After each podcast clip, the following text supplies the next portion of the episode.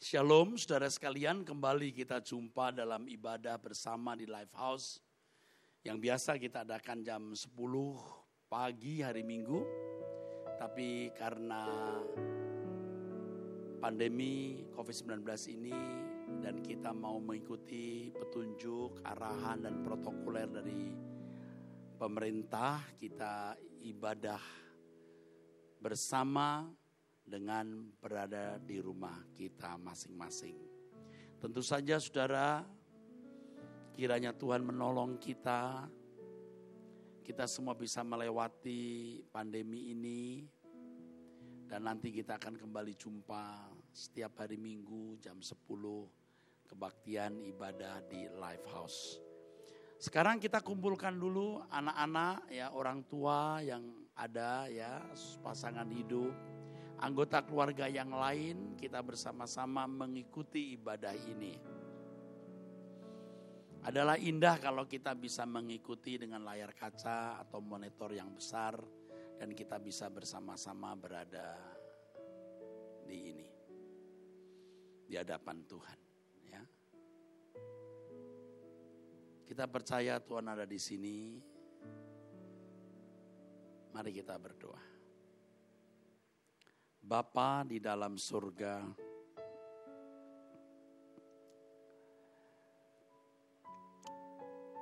kasihmu kepada kami melampaui yang kami mengerti, melampaui yang kami pikirkan.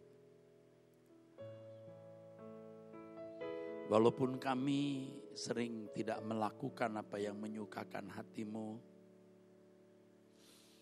di dalam kesetiaanmu engkau tetap menjagai kami dan memberi kesempatan kami berubah.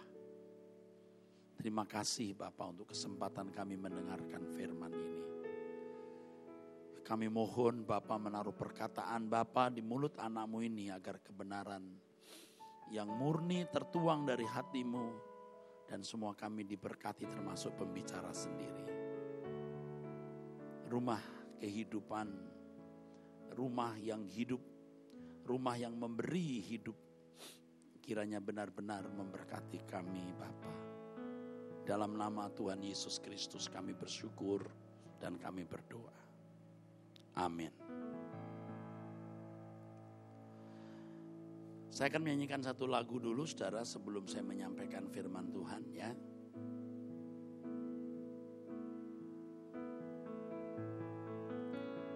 Berikanku hati.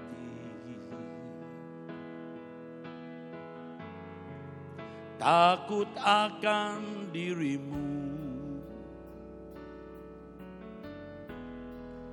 Dengan sikap hormatku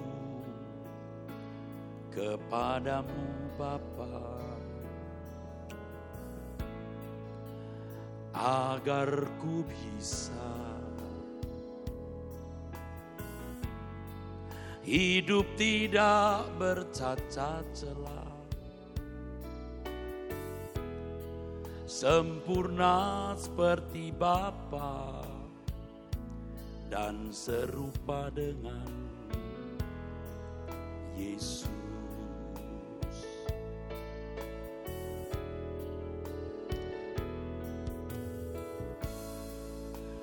Berikan ku hati takut akan dirimu. Dengan sikap hormatku kepadamu Bapa. Agar ku bisa hidup tidak bercacat celah sempurna seperti Bapa dan serupa dengan Yesus.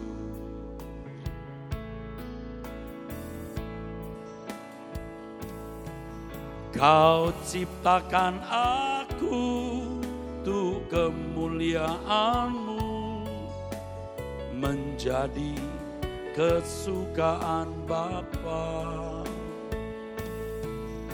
Tiada lagi yang ku ingini hanya pulang ke rumah Bapa. Persiapkan aku di sisa hariku berkenan di hadapanmu.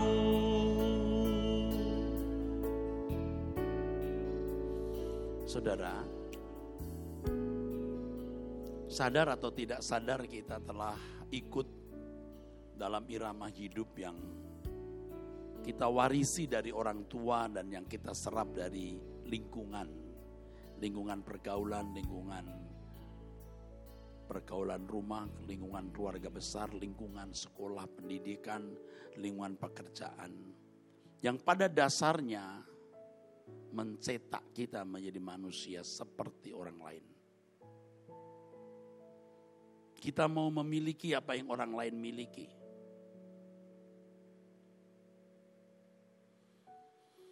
Kita mau di tempat yang orang lain juga ada di tempat itu. Apalagi kalau tempat itu dianggap memiliki nilai lebih. Apakah sebagai pejabat tinggi, Ya, kalau di lingkungan akademisi memiliki gelar yang lebih banyak di lingkungan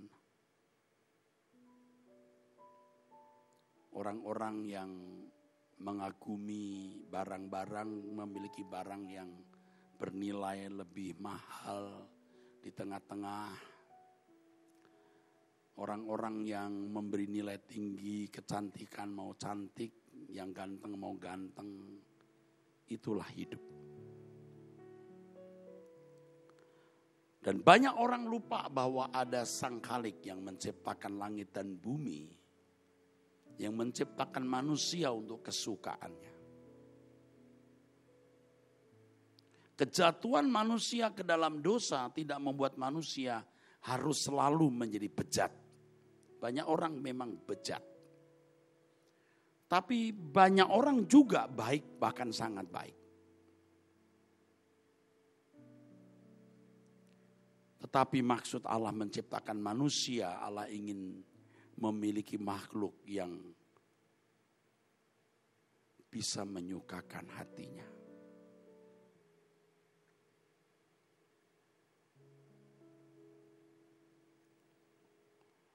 Makhluk yang bisa menyukakan hati Bapa, menyukakan hati Allah.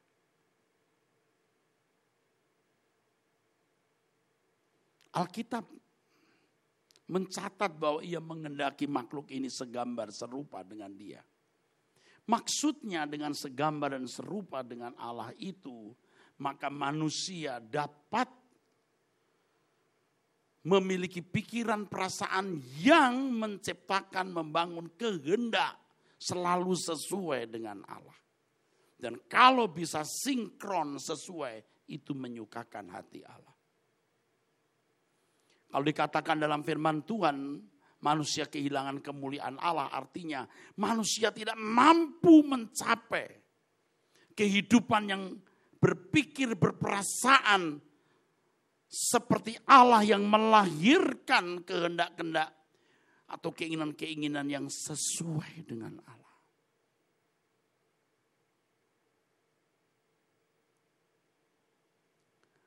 Saudara, inilah yang dikatakan dalam Roma pasal 3 23. Manusia telah kehilangan kemuliaan Allah.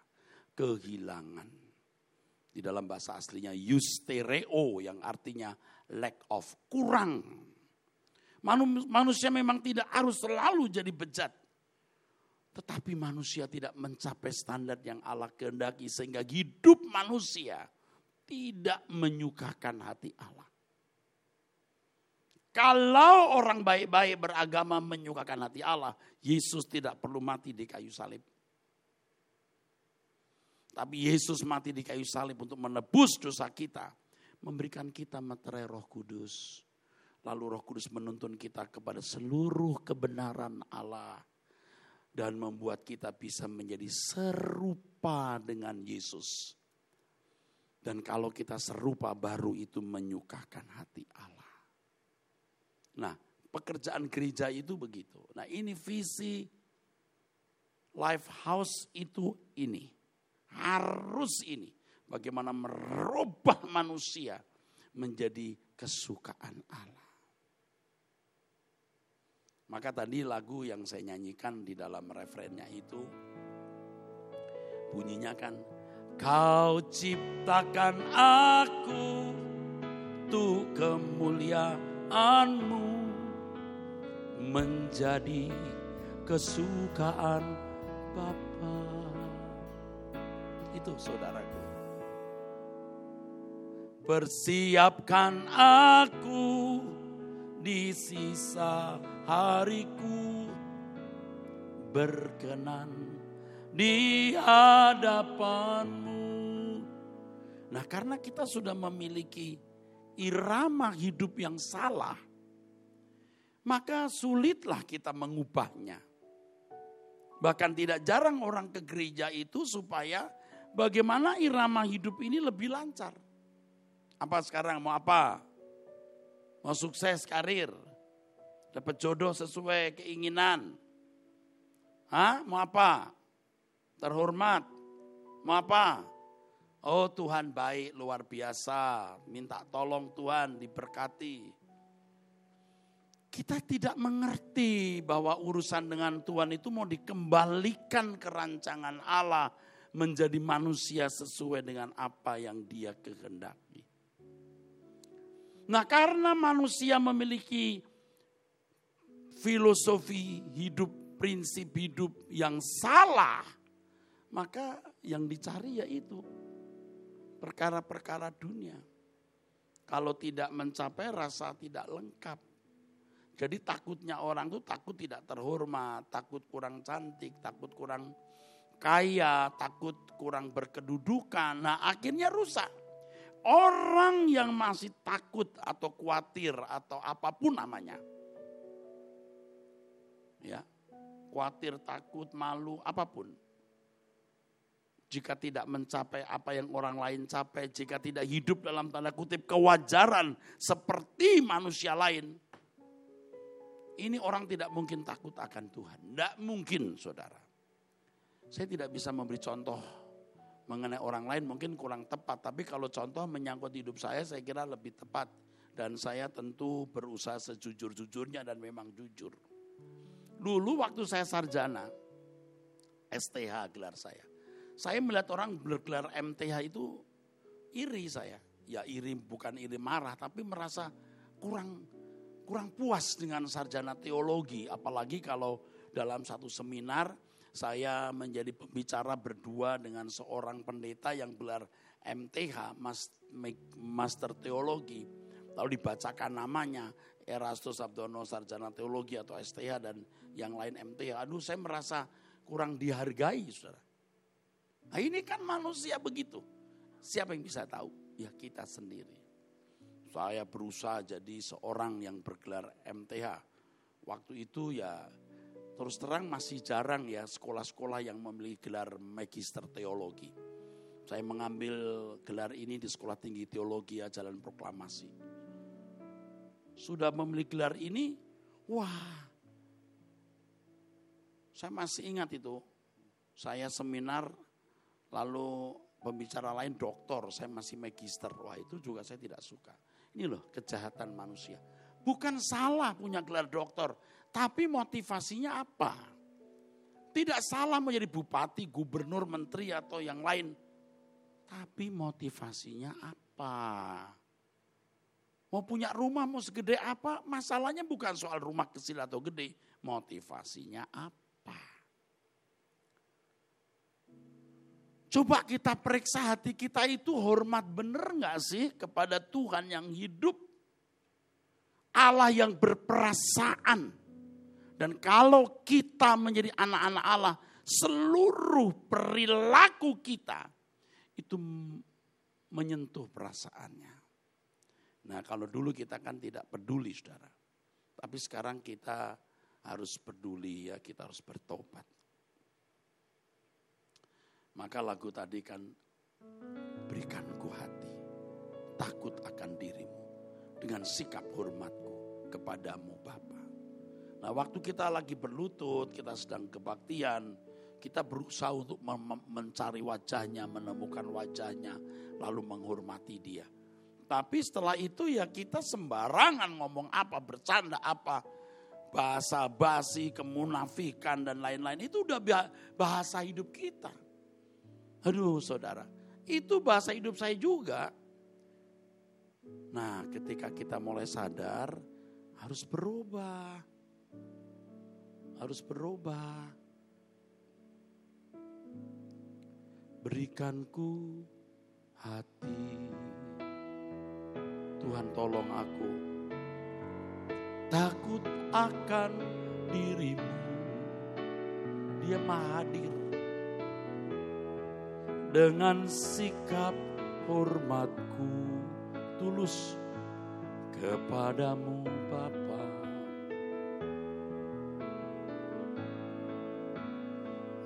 Agar ku bisa. Karena takut bisa. Hidup tidak bercacat celah Tuhan tolong aku. Sempurna seperti Bapa dan serupa dengan Yesus. Begitu saudaraku Kau ciptakan aku untuk kemuliaanmu menjadi kesukaan Bapa. Kalau sudah begitu baru selesai. Tiada lagi betul yang ku ingini hanya pulang ke rumah Bapak Persiapkan aku di sisa hariku berkenan di hadapanmu.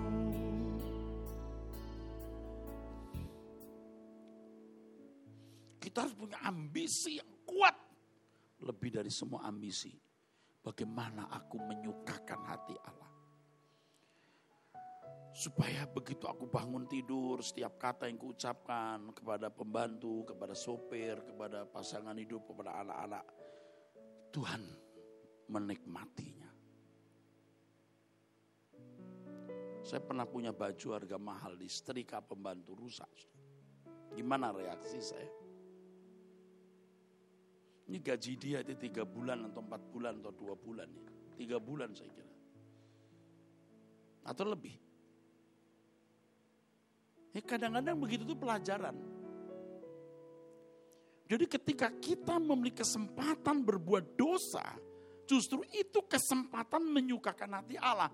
Kalau tidak ada rangsang, nggak ada bukti. Nah ini indah sekali saudara. Ini kalau malam ya atau pagi, kita berdoa, aku mau menyenangkan engkau ya Allah. Besoknya itu tes. Waduh dan kita sering salah. Dulu selalu salah kenapa Tuhan aku salah lagi. Makanya saya punya satu lagu yang sekarang belum jadi. Bagai mendaki gunung yang sangat tinggi. Nah itu, itu bicara soal itu. Bagaimana aku sempurna seperti Bapa. Ini pemain musik juga belum tahu walaupun selalu pergi bersama saya, belum pernah dengar. Bagai mendaki gunung yang sangat tinggi. Melewati lembah curam yang tidak terseberangi. Rasanya itu nggak mungkin. Salah melulu. Tapi karena kita nekat tuh saudara. Kita mulai bisa mengurai. Nah ini ini pelajaran. Kalau saudara pagi kita sudah bikin satu kesalahan. Kita tidak bereskan itu berikutnya pasti banyak kesalahan lain yang, yang lebih besar. Atau kesalahan-kesalahan lain akan kita buat. Makanya begitu kita salah langsung minta ampun.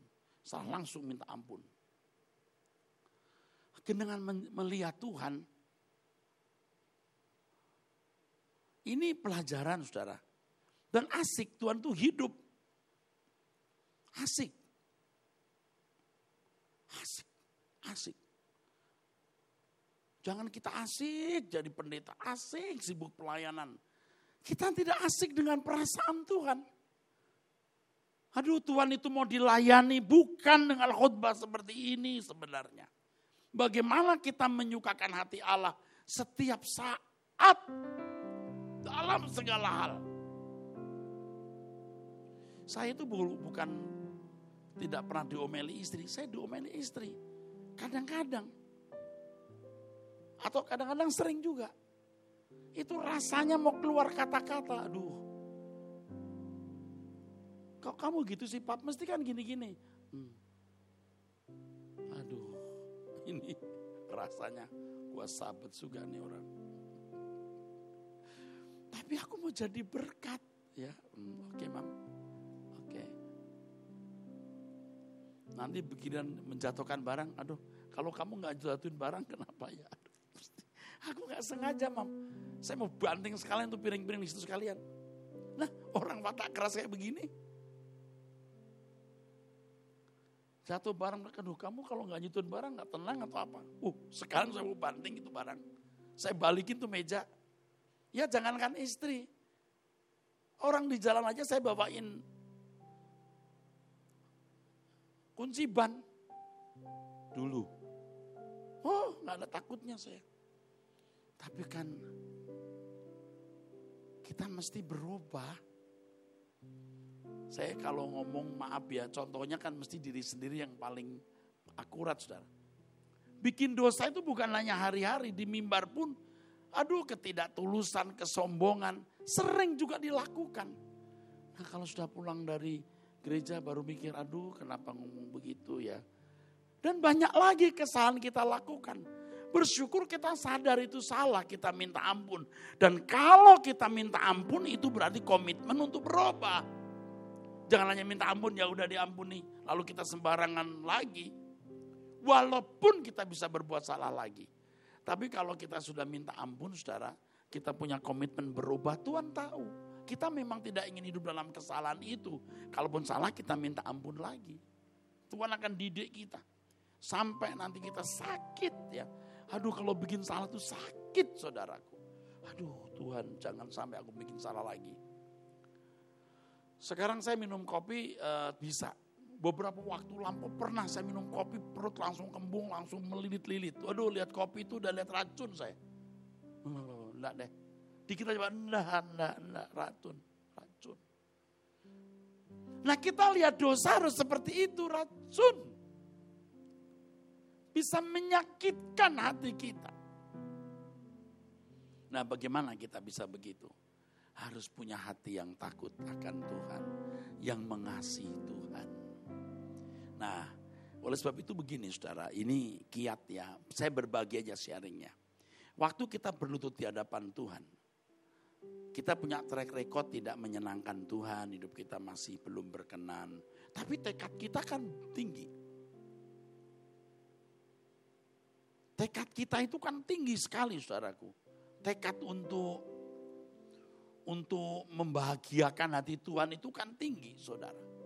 Nah tekad seperti ini, kecintaan seperti ini kita bawa dulu. Jadi persembahan. Dan asik, itu asik. Jadi Tuhan aku belum membuktikan cintaku tapi engkau tahu aku cinta engkau. Aku menghormatimu. Aku membawa hatiku seperti ini kepadamu Tuhan. Ku, persembahkan syukurku. Aku persembahkan ucapan terima kasihku. Haleluya, haleluya. Nah itu asik tuh. Jadi kita memang belum membuktikan dalam tindakan, tetapi kita sudah memecahkan hati sebisa-bisanya. Aku mengasihi engkau ya Allah. Aku mau hidup tidak bercacat, tidak bercela. Cius, cius, cius banget. Sungguh-sungguh Tuhan. Aku rela untuk hidup tidak bercacat. Aku rela tidak memiliki kebahagiaan apa pun selain engkau. Asal tulus loh. Asal tulus loh. Nanti Tuhan akan pimpin kita. Nah itu yang saya lakukan. Maka saya karang lagu ya. Ya banyak lagu saya saudaraku bukan karena mau cari uang lewat lagu. Karena memang waktu berdoa lalu muncul ide. Saya bikin lagu itu. Bawaku terbang tinggi ke dalam kemuliaanmu. Ini sekarang jam 2, jam 3 pagi. Melintasi semua awan agar sampai tatamu Tuhan.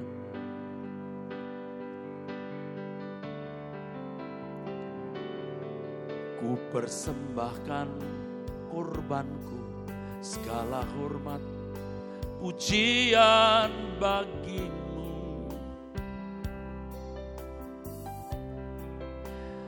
sembah sujudku segenap jiwa ya Papa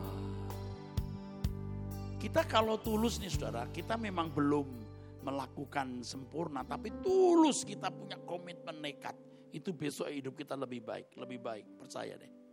Nanti kalau kita menghadap Tuhan, hidup kita jauh lebih baik. Dan mestinya kita punya ambisi itu.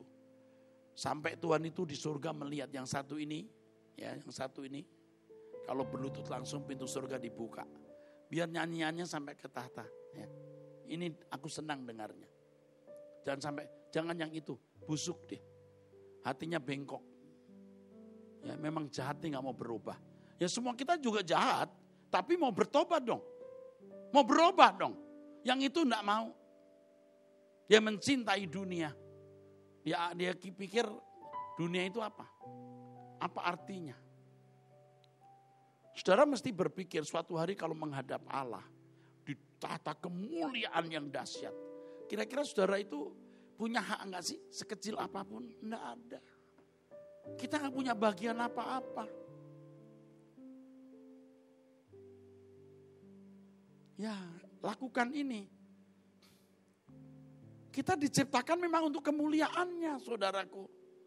Ya kalau hari-hari kita masih belum, ya waktu kita berdoa komitmennya diupdate terus, diupdate terus. Bawaku terbang tinggi ke dalam kemuliaan.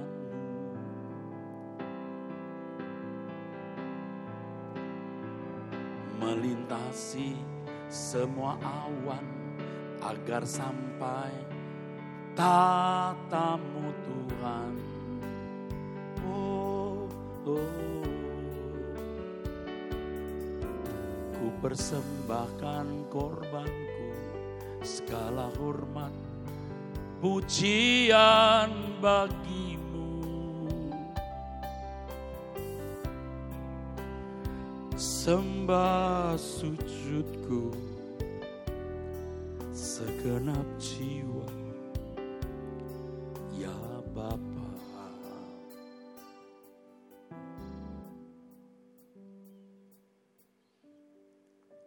kalau saudara seorang hamba Tuhan, seorang worship leader, seorang singer, itu harus hidupnya menyukakan Tuhan dari hari ke hari, bukan hanya pada waktu menyanyi.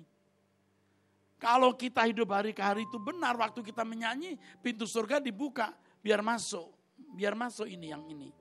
Yang itu jangan. Busuk. Yang ini aja. Biar fals suaranya. Biar ini aja. Kita juga takut saudara kayak pendeta seperti saya. Mari kita menyembah Tuhan, mari kita memuji Tuhan. Pintu tertutup. Ah, biar kita suaranya bagus, nyembahnya kelihatan bagus. Hari-hari kita kita tidak menyukakan dia. Emangnya Tuhan bisa disuap? Menjadi kesukaan Tuhan itu hari-hari hidup kita. Itu harus kita perjuangkan. Makanya kesempatan kita menghadap Tuhan itu seperti distimulasi, dirangsang, didorong. Harus ada waktu untuk itu. Ya, Nanti saudara ditandai Tuhan ke mana pun saudara pergi. Malaikat di pesawat itu ada anakku. jagai. Di apartemen itu ada anakku.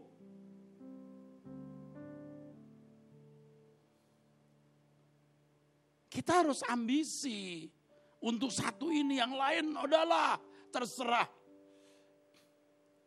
Kalau sampai tingkat ekstrim saudara berkata Tuhan, aku sudah tidak mempersoalkan apa-apa, aku hanya ingin menjadi anak kesukaanmu. baru kita menyembah Tuhannya itu diterima. Kita nyanyi bagus-bagus hari Minggu, nggak ada yang diterima. Maka live house ini harus serius ya. Daftarkan, Tuhan aku daftarkan live house. Berapapun harganya. Setiap kami berkumpul Tuhan, ini legal kau sahkan aku anakmu yang serius berurusan dengan engkau. Waduh, orang kayak saya, saudara, kalau hidup sembarangan, saya nerakanya lebih dalam dari jemaat, saudaraku. Bener, ngerti saya dihakimi dengan ukuran yang berbeda.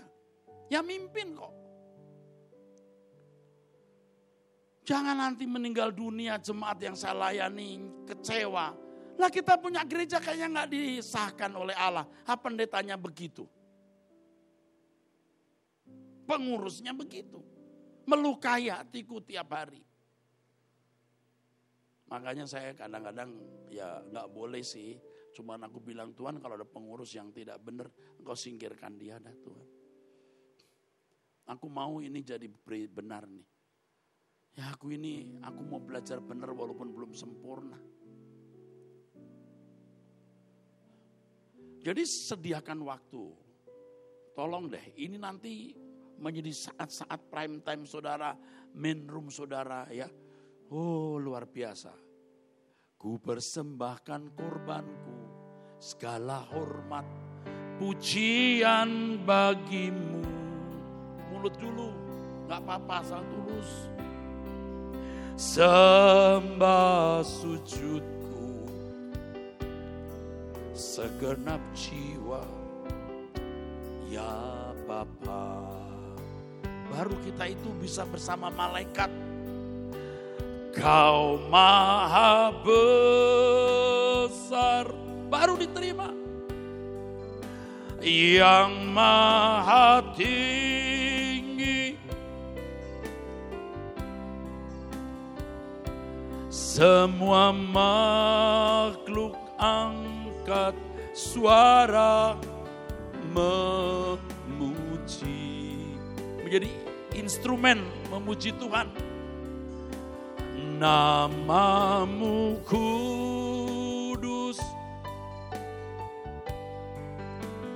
kudus, kuduslah.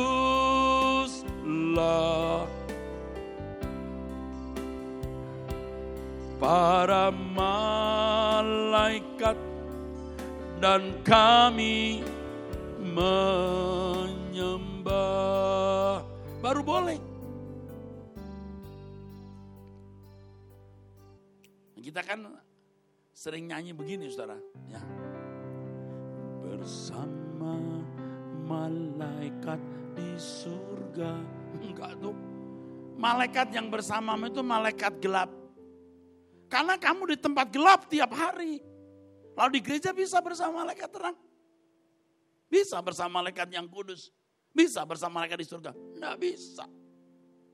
Maka pendeta, worship leader, singer, oh, oh harus berani berkata Tuhan, sisip, sisipkan aku di tengah malaikat. Aku daftarkan diriku sebagai penyembah. Salah satu penyembah di jam-jam doaku. Berapapun harganya ku bayar Tuhan. Lalu saya mengatakan begini, Tuhan aku daftarkan diriku sebagai anggota keluarga kerajaan surga. Tulis namaku dalam kitab kehidupan anak domba. Berapapun harganya aku bayar Tuhan. Tolonglah aku bisa membayarnya. Tolonglah aku agar integritasku waktu aku berdoa seperti ini dan hidupku besok tidak berubah. Kokohkan tekadku ini. Begitu. Jadi pemuji, penyembah, worship leader, pendeta, itu punya tempat. Ada satu lagu baru, baru sekali, baru tadi juga baru saya ingat. Tapi belum saya ajarkan. Yang kalimatnya begini saudara. Beri, beri aku tempat di hadiratmu Bapak setiap saat di mana pun juga sejakku di bumi sampai nanti di surga. Selalu di hadiratmu Bapa. Hanya engkaulah kebahagiaanku. Harta abadi kesukaanku. Ku tinggalkan dosa dan indahnya dunia agar aku layak di hadiratmu selalu di hadiratmu di hadiratmu aman dan nyaman jiwaku. Walau kehidupan banyak pergumulan teduh dalam naunganmu.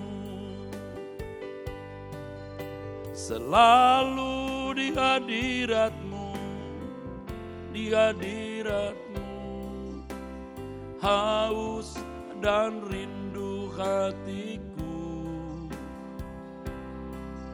di setiap waktu dalam hadirat Bapa perhentianku sempurna. Mohon maaf kalau pemain musiknya belum bisa ngikutin saya karena baru lagu baru ya, baru pertama ya. Tapi ini sudah bagus ya, udah pinter ya. Makasih Pak Boem. Uh, luar biasa yang selalu mendampingi saya. Belum pernah kan saya nyanyi lagu ini? Nah, biasanya pakai gitar sendirian. Itu referennya bagus sekali Pak Boy masuk ke A minor. Selalu langsung di hadiratmu, di hadiratmu. Mantap. Nah tiap hari nggak di hadirat Tuhan lah waktu di mimbar. Kami di hadiratmu. Kagak. Tiap hari kamu di hadirat siapa? Kamu nonton film seri, kamu jalan-jalan bisa begitu lama. 30 menit saya kamu nggak berlutut terus di oh Tuhan di hadiratmu. Itu Tuhan mana yang bisa dibuat main-main begitu? Hmm? Jangan dong. Ini kita harus lakukan, saudara, ya, menjadi kemuliaan Tuhan. Jadi kemuliaan Tuhan. Di tempat tinggi Allah melihat semua anak manusia. Dia melihat orang-orang yang sungguh-sungguh mau berurusan dengan dia. Makanya kalau kita ketemu orang yang tidak mau urusan dengan Tuhan capek saudara. Lu kagak mau urusan, gua urusan. Lah jangan berteman sama gua dah.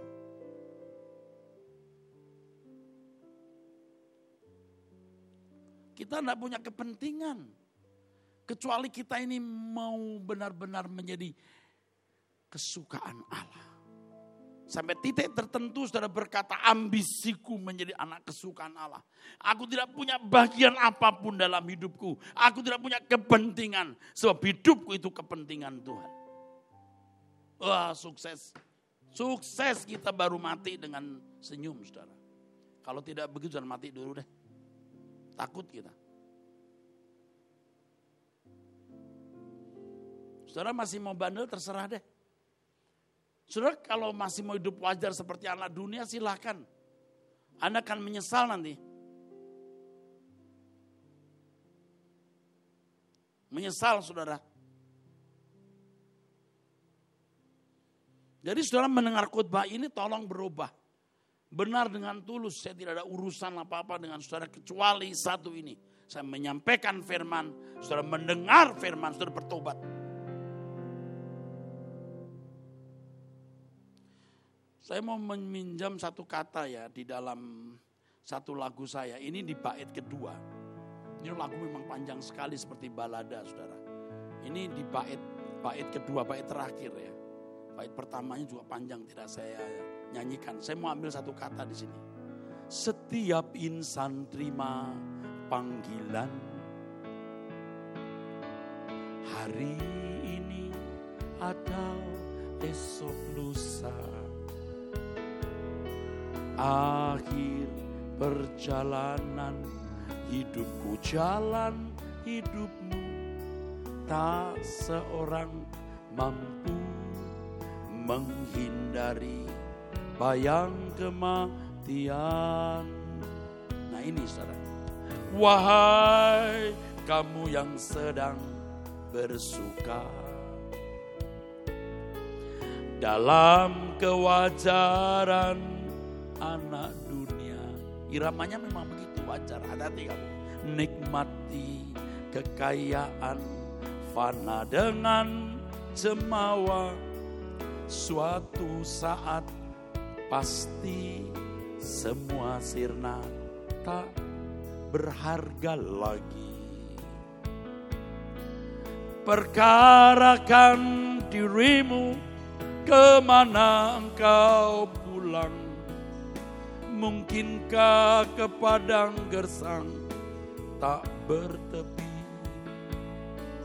Di sana tiada mentari dan tiada lagi bintang dalam jurang gelap kengerian.